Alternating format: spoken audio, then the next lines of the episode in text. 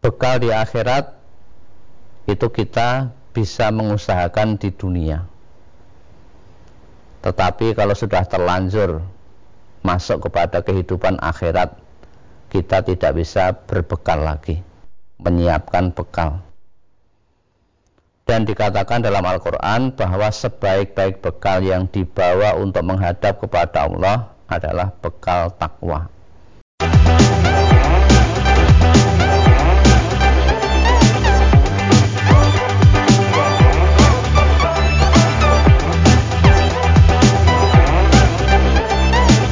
Bismillahirrahmanirrahim. Assalamualaikum warahmatullahi wabarakatuh. Saudara pemirsa channel terpilih MTA TV di mana pun Anda berada. Puji syukur Alhamdulillah senantiasa kita panjatkan kehadirat ilahi Rabbi Allah subhanahu wa ta'ala Atas genap karunia nikmat dan juga rahmatnya untuk kita semua Di perjumpaan awal aktivitas pagi hari ini. Kita jumpa kembali di program unggulan Fajar Hidayah Dan Alhamdulillah sudah hadir Ustadz Muhammad Ghazali SPDI yang nanti akan melanjutkan pelajaran sekaligus memberikan pencerahan untuk kita semua di kesempatan kali ini. Assalamualaikum warahmatullahi wabarakatuh Ustaz. Waalaikumsalam warahmatullahi wabarakatuh. Kabar baik dan sehat pagi Ustaz? Alhamdulillah baik. Alhamdulillah baik. Dan pemirsa nanti bisa bergabung bersama kami di line telepon yang sudah kami siapkan di 02716793000 SMS dan juga di WA kami di 08112553000. Kita simak pelajaran kita pagi ini. Bismillahirrahmanirrahim. Assalamualaikum warahmatullahi wabarakatuh. Alhamdulillah. Alhamdulillahirabbil alamin. Assalatu wassalamu ala asrafil anbiya wal mursalin wa ala alihi wa sahbihi ajmain. Asyhadu an la ilaha illallah wahdahu la syarikalah wa asyhadu anna Muhammadan abduhu wa rasuluh. Allahumma salli ala Muhammad wa ala alihi wa sahbihi ajma'in. Qala Allah Ta'ala fi kitabihil karim A'udhu billahi minasyaitonir rajim Ya ayyuhallazina amanu taqullaha haqqa tuqatih wa la tamutunna illa wa antum muslimun Wa qala fi ayatin ukhra wasari'u ila maghfiratin min rabbikum wa jannatin 'arduhas samawati wal ard u'iddat lil muttaqin. Wa qala Rasulullah sallallahu alaihi wasallam ittaqillaha haitsu ma kunta wa atbi'is sayyi'atal hasanata tamhuha wa khaliqin nasa bi khuluqin hasanin. Rabbi surah li sadri wa yassir li amri wa akhlul 'uqdatam min lisani yafqahu qawli. Alhamdulillah senantiasa kita selalu bersyukur atas nikmat yang telah diberikan oleh Allah kepada kita.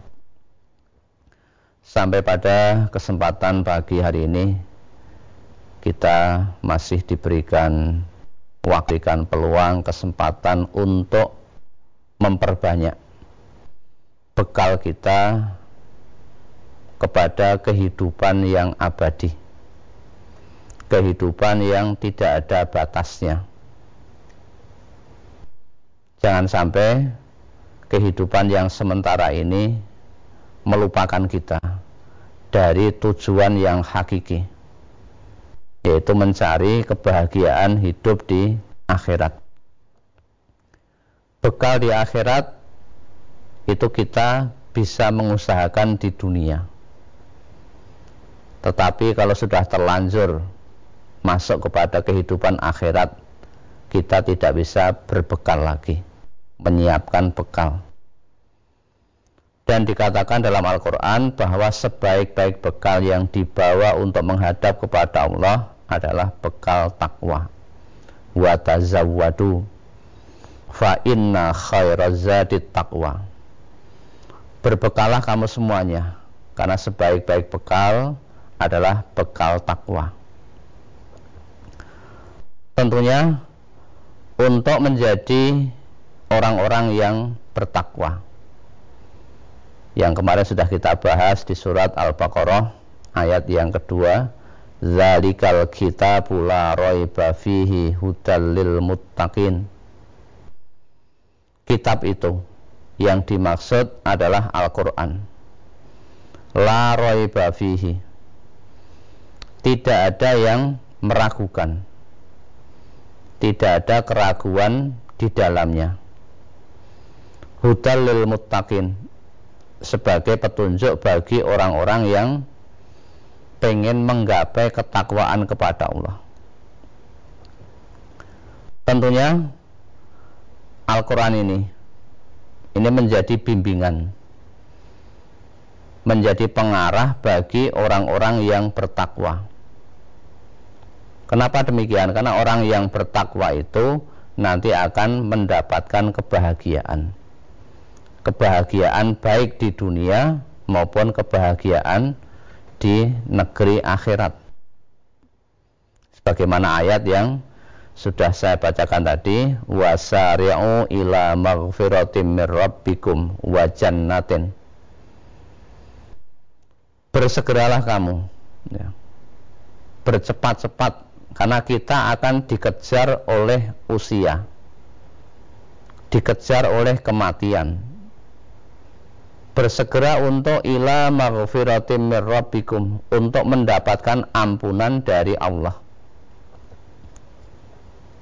Karena manusia di dalam hidup ini tidak bisa lepas dari dosa. Tidak bisa lepas dari salah.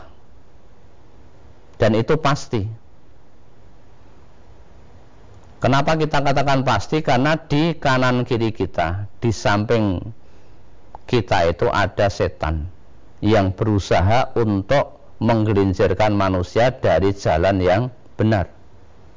Maka manusia bagaimana berusaha untuk dibelokkan arahnya dari tujuan yang hakiki. Untuk menjadi pengikut setan besok di neraka jahanam. Maka kita diperintahkan untuk bersegera kullu bani adama khatta'un seluruh keturunan anak Adam atau seluruh manusia itu pasti punya salah.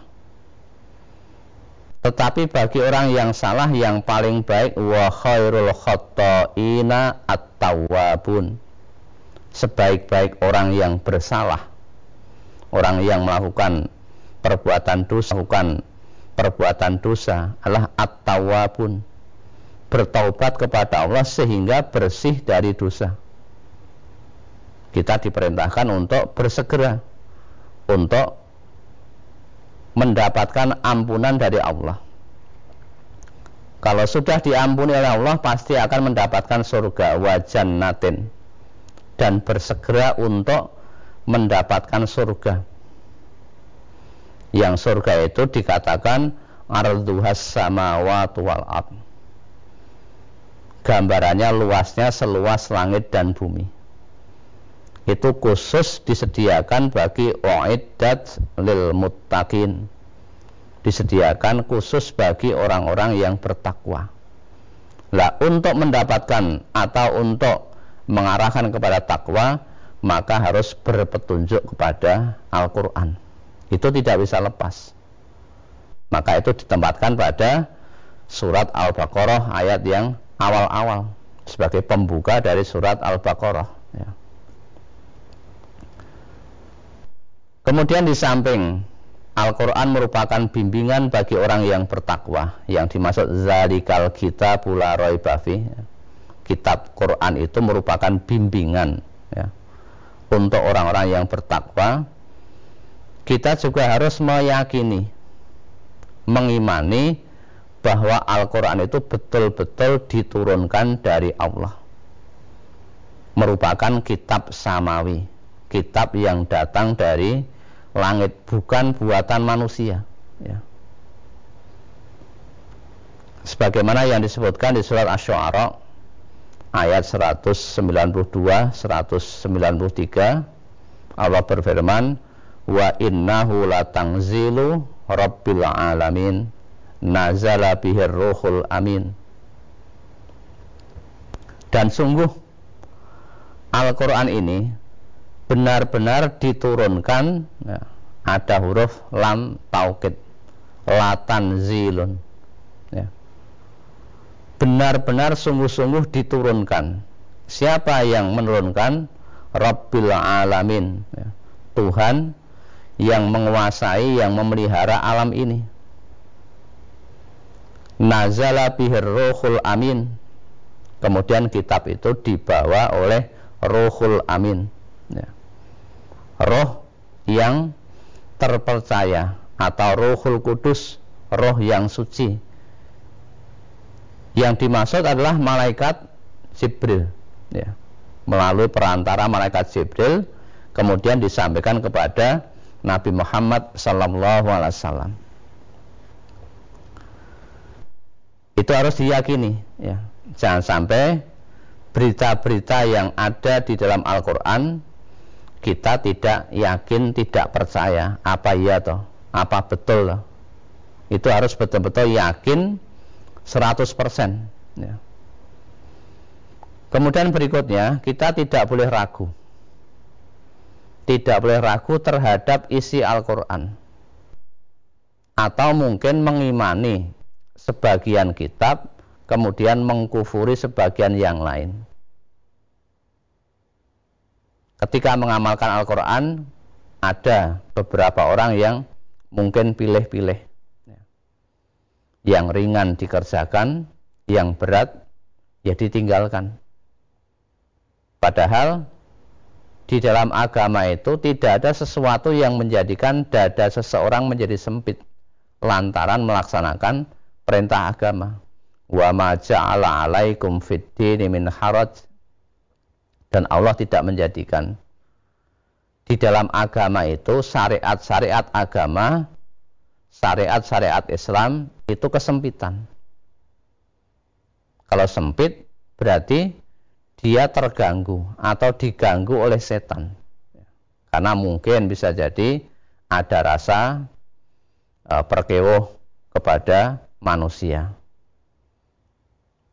karena manusia banyaknya mengerjakan itu kok dia hanya sendirian.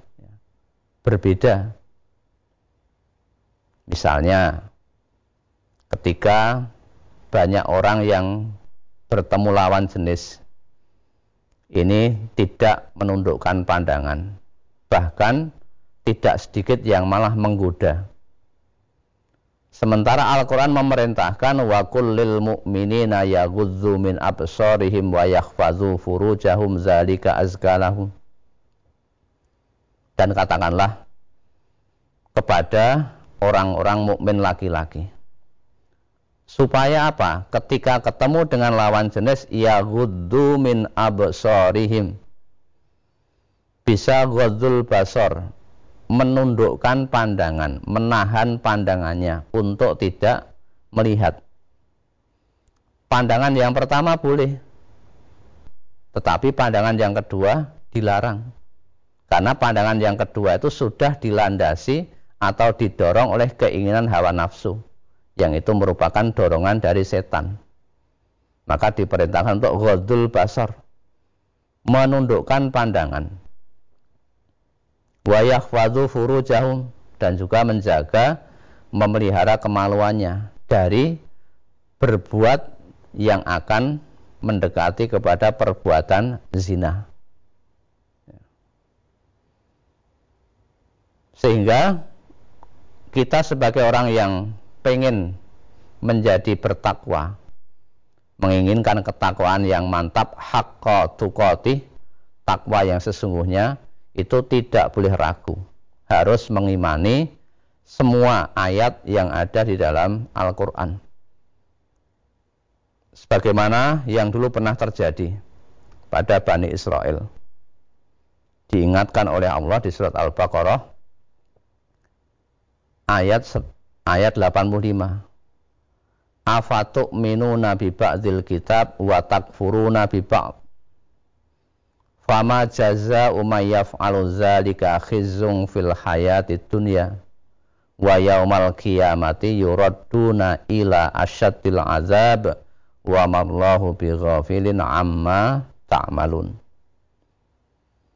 Afatu minuna bi ba'dil kitab. Apakah kamu mengimani, beriman kepada sebagian Alkitab? Jadi kitab itu hanya diimani sebagiannya. Watak furuna bi ba'd. Dan mengingkari, mengkufuri sebagian yang lain. Kalau itu dilakukan, fama jaza umayyaf aluzalik maka tidak ada balasan bagi orang atau siapa saja. Man ini artinya umum. Siapa saja, baik laki, perempuan, besar, kecil, tua, muda, pejabat, rakyat, dan sebagainya. Ini siapa saja yang mengingkari daripada Alkitab tadi. Apa? Illa khizyun fil hayatid dunia. Kecuali akan memperoleh kehinaan di dalam kehidupan dunia. Di dunia sudah dalam keadaan hina dina. Ya. Derajatnya menjadi rendah. Apalagi besok wa yaumal qiyamati yuradduna ila asyatil azab. Besok pada hari kiamat itu akan dikembalikan. Atau akan digiring kepada asyadil adab seksa yang sangat berat. Seberat-berat seksa. Wa maullahu bighafilin amma ta'malun. Dan Allah tidak lengah tidak akan lupa terhadap apa yang kamu perbuat yaitu mengimani sebagian kitab mengkufuri sebagian yang lain ya mudah-mudahan dengan tiga hal tadi yang pertama, kita tidak ragu harus mengimani kepada seluruh Alkitab. Kemudian yang kedua, meyakini bahwa Al-Quran itu betul-betul diturunkan oleh Allah sehingga tidak ada keraguan. Kemudian yang ketiga, yang ketiga bagaimana Al-Quran ini merupakan uh, pengarah atau bimbingan bagi orang-orang yang bertakwa sehingga dia akan mendapatkan kebahagiaan kebahagiaan di dunia, kebahagiaan di akhirat yaitu mendapatkan surganya Allah Subhanahu wa taala. Ya. Baik pemirsa, kami harapkan Anda bisa bergabung bersama kami di line telepon 02716793000, SMS dan juga di WA kami di 08112553000. Namun sebelumnya kita akan simak beberapa informasi dalam rangkaian jeda pariwara berikut ini. Baik saudara pemirsa channel terpilih MTA TV di mana pun Anda berada, terima kasih Anda masih setia bersama kami, khususnya di program unggulan Fajar Hidayah pagi ini. Kami persilahkan kesempatan pertama di line telepon 02716793000 untuk bisa bergabung. Halo, Assalamualaikum. Ya, dengan siapa di mana Ibu? Dengan Ibu Umar di Delanggu. Ya, Ibu Umar di Delanggu, silakan. Waalaikumsalam warahmatullahi wabarakatuh. Ya, silakan Ibu. Tanya ini tentang tentang zakat Ustaz. Zakat. Ini seorang itu memberikan. Ya, Ibu. Ibu, mohon maaf sebentar Ibu. Ya? Untuk volume radio atau televisinya sudah dikecilkan? Sudah dimatikan. Oh, sudah dimatikan ya. Ini di ya. studio suaranya mendenging gitu. Oh, ya. Sudah dimatikan. Oh ya, silakan. Ini sebagai kalau uh, jual beli itu loh Ini seumpama ambil barang dari seorang itu jumlahnya umpama delapan ratus terus kita menjualnya bisa satu juta terus yang menjual itu dapat dua ratus ribu. Yang itu yang satu juta atau yang dua ratusnya juta. Kalau orangnya itu takut dengan riba satu takutnya dia itu yang satu jutanya itu yang didekati Ya. Dan, itu terima kasih. Waalaikumsalam warahmatullahi wabarakatuh. Ya, tentang masalah uh, zakat ya. Tentang jual beli ya. Jual beli itu hukumnya adalah mubah. Wa ahallallahu al-bai'a wa harramar riba. Allah menghalalkan jual beli dan mengharamkan riba. Ketika seseorang melakukan usaha perdagangan, kemudian modalnya misalnya ini sudah dizakati modalnya misalnya e, 5 juta. Kemudian ketika dibelikan barang kemudian terjual keuntungannya misalnya satu juta. Maka yang dizakati itu yang satu juta. Yang satu jutanya yang dizakati karena modal awalnya sudah dizakati sehingga tinggal keuntungannya tadi yang dua juta atau satu juta yang e, dizakati pada prinsipnya e, seperti itu kita lebih baik berhati-hati terhadap harta yang kita miliki sehingga betul-betul harta kita itu menjadi suci dengan dikeluarkan zakatnya tadi. Karena zakat itu nanti peruntukannya adalah untuk delapan golongan. Dalam arti kita juga ikut andil di dalam sosial kemasyarakatan ya. untuk membantu orang-orang fakir, miskin, amil, dan yang lain-lain yang termasuk dalam eh, delapan orang yang menerima zakat tadi. Maka ketika modalnya tadi sudah dizakati yang 800 ribu, kemudian tinggal keuntungannya 200, maka yang 200 itu nanti yang dizakati, bukan yang eh, satu uh, juta. Ya. ya. Kita bacakan yang ada di WA Ustaz dari Ibu Yani di Jogja. Ustadz, jika diundang ke acara pernikahan, namun tidak berangkat dikarenakan sesuatu hal. Apakah yang demikian termasuk durhaka terhadap Allah dan Rasulnya Ustaz? Ya. Hanya untuk undangan walimatul urus atau acara resepsi biasa Ustaz? Tentang mendatangi undangan di dalam hadis riwayat Muslim disebutkan an Abi Hurairah annahu kana yakul bi'sat ta'am ta'amul walimah yud'a ilaihil aghniya wa yutrakul masakin faman lam ya'ti ad-da'wata faqad asallaha wa rasulah. Dari Abu Hurairah ia berkata seburuk-buruk makanan adalah makanan walimah. Yud'a ilaihil agniya yang dipanggil dalam waliman itu adalah orang-orang yang kaya orang-orang yang perutnya kenyang orang-orang yang sudah terbiasa makan makanan yang enak. Wa yutrokul masakin dan meninggalkan orang-orang miskin. Jadi orang-orang miskin tidak diundang karena mungkin bisa jadi orang miskin itu karena mungkin di makanannya itu terasa enak, mungkin menghabis-habiskan makanan. Atau mungkin orang miskin itu tidak nyumbang dan lain-lain. Maka dikatakan bahwa seburuk-buruk makanan adalah makanan walimah yang diundang orang-orang kaya yang orang-orang miskin ditinggalkan. Faman la ya faman lam ya tidak wata barang siapa yang tidak mendatangi undangan fakot asallaha wa rasulah maka sungguh ia telah durhaka kepada Allah dan Rasulnya. Maksudnya di sini adalah ketika kita diundang pada walimatul urs. Pesta pernikahan yang di situ memang sesuai dengan tuntunan agama. Ada ijab kabul yang dimaksud walimatul urs itu. Ketika kita diundang memang itu menjadi hak antara muslim satu dengan muslim yang lain hakul muslimi alal muslimi situn. Hak muslim satu dengan muslim yang lain itu ada enam. Salah satunya iza da'aka fa'ajibhu. Apabila kamu diundang maka datangilah.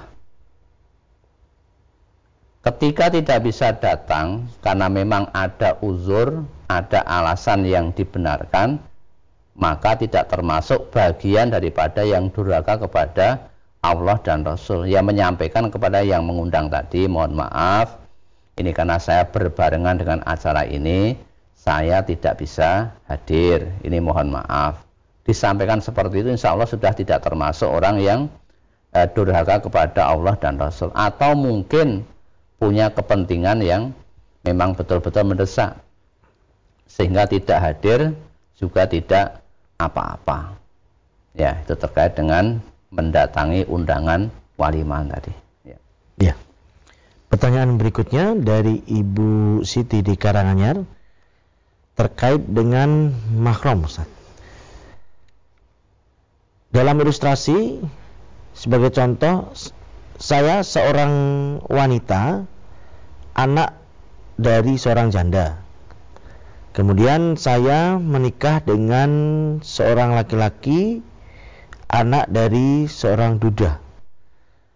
Pertanyaannya yang pertama, antara orang tua kami antara orang tua kami bolehkah berjabat tangan atau tidak Ustaz? Dalam art, dalam artinya mahram atau tidak. Yang kedua, bolehkah orang tua kami menikah? Yang ketiga, orang yang bukan mahram itu selain tidak boleh berjabat tangan juga tidak boleh menikah pernyataan tersebut benar atau tidak Ustaz? Demikian. Ya, perlu kita pahami dulu ya, tentang urusan mahram. Pengertian mahram itu adalah orang yang dilarang untuk dinikahi. Sekali lagi mahram itu adalah orang yang dilarang untuk dinikahi, haram hukumnya. Nah, siapa saja yang dimaksud atau siapa saja yang termasuk dari mahram itu? Itu ada di surat An-Nisa ayat 23. Kalau tidak masuk itu, berarti ya bukan termasuk mahram. Ya. Ini saya bacakan aja biar jelas. Ya. Artinya, diharamkan atas kamu mengawini ibu-ibumu jadi ibu kandung itu dilarang untuk dinikahi.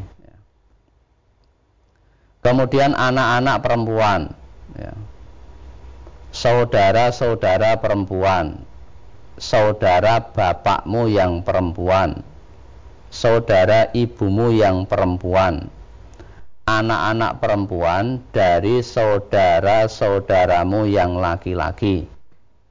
Anak-anak perempuan dari saudara-saudaramu yang perempuan, ibu-ibu yang menyusui kamu, saudara perempuan sepesusuan, ibu-ibu istrimu atau mertua, anak-anak istrimu yang dalam pemeliharaanmu dari istri yang telah kamu campuri. Tetapi jika kamu belum campur dengan istrimu, dan sudah kamu ceraikan maka tidak berdosa atas kamu mengawini dan diharamkan bagimu istri-istri anak kandungmu atau menantu dan menghimpunkan dalam perkawinan dua perempuan yang bersaudara kecuali yang telah terjadi pada masa yang lampau. Ini yang masuk kriteria mahram. Nanti bisa dibaca-baca ulang sehingga dengan memahami ini nanti akan bisa menjawab pertanyaan tadi. Ya. Kalau anak janda, anaknya perempuan tadi, kemudian duda punya anak laki-laki, maka yang anak perempuan tadi terhadap bapaknya, bapaknya si laki-laki tadi, berarti kan termasuk apa itu? mertua. Mertua. Nah, itu kan termasuk mahram. Kemudian yang laki-laki tadi kepada ibunya perempuan tadi janda itu juga termasuk mertuanya. Tetapi kalau antar orang tua nah ini bukan mahram ya, karena tidak disebutkan di surat An-Nisa ayat 23 kalau bukan mahram ya berarti tidak boleh bersalaman. Karena bukan mahram misalnya mau nikah juga boleh. Namanya kan bukan mahram. Nah yang mahram tadi adalah mertua menantu itu kan termasuk mahram. Itu mahram karena ada hubungan musaharah hubungan pernikahan. Ya mahram ada ada tiga. Mahram karena nasabiah karena keturunan hubungan darah. Kemudian mahram karena musaharah karena pernikahan. Yang ketiga mahram karena ar ya, sepesusuan jadi hubungan uh, sepesusuan. Ini juga bisa menjadi uh, mahram. Ya saya kira itu. Ya baik masih ada kesempatan uh, pertanyaan berikutnya dari Bapak Nur Rahman yang ada di Cilacap Ustadz bagaimanakah cara mendidik anak supaya rajin sholat anak saya laki-laki usianya 10 tahun kalau diajak sholat kadang-kadang susah Ustadz kalau saya ajak berjamaah ke musola, juga terkadang susah. Mohon pencerahannya. Memang mendidik anak itu kita harus sabar dan juga pelan-pelan. Apalagi mendidik zaman eh, mendidik anak pada zaman sekarang ini yang sudah anak disibukkan oleh HP. Ya. Karena lebih menarik HP-nya daripada sholatnya. Mendidik memang harus kontinu dan juga dari bapaknya atau ibunya juga perlu memberikan keteladanan. Kita memerintahkan anak untuk beribadah itu diawali dari kecil. Muru auladakum bisolah suruhlah anak-anakmu untuk mengerjakan sholat wahum abna usinin ketika anak-anakmu itu berusia eh, tujuh tahun. Tujuh tahun itu sudah diperintahkan untuk uh, mengerjakan ibadah sholat. Ketika mereka sudah sampai kepada umur 10 tahun ternyata tidak mau atau belum mau mengerjakan sholat maka bolehlah ia dipukul fadribuhu boleh dipukul dalam arti untuk menyadarkan bahwa ini adalah sesuatu yang penting sesuatu yang pokok. Kita berbakti kepada orang tua juga berbakti kepada yang membuat orang tua yang menciptakan orang tua yakni Allah. Itu diajarkan dengan cara karena anak 10 tahun kan masih ada perasaan takut. Ya. dan nanti dibiasakan sambil dalam perjalanan berjalannya waktu kita arahkan kita pahamkan karena anak 10 tahun itu lama-lama sudah bisa diajak untuk berkomunikasi diajak untuk berbicara ya, tentang pentingnya daripada sholat nanti dijelas-jelaskan kalau yang menyuruh hanya orang tua, ternyata orang tuanya tidak ke masjid, itu nanti anaknya juga lama-lama mikir. Bapak itu hanya nyuruh-nyuruh, ternyata tidak berangkat. Ayo nak, ini sudah waktunya zuhur, asar, maghrib, ayo segera berangkat ke masjid, tapi bapaknya masih nonton TV. Bapaknya masih megang HP. Itu namanya kan tidak memberikan contoh.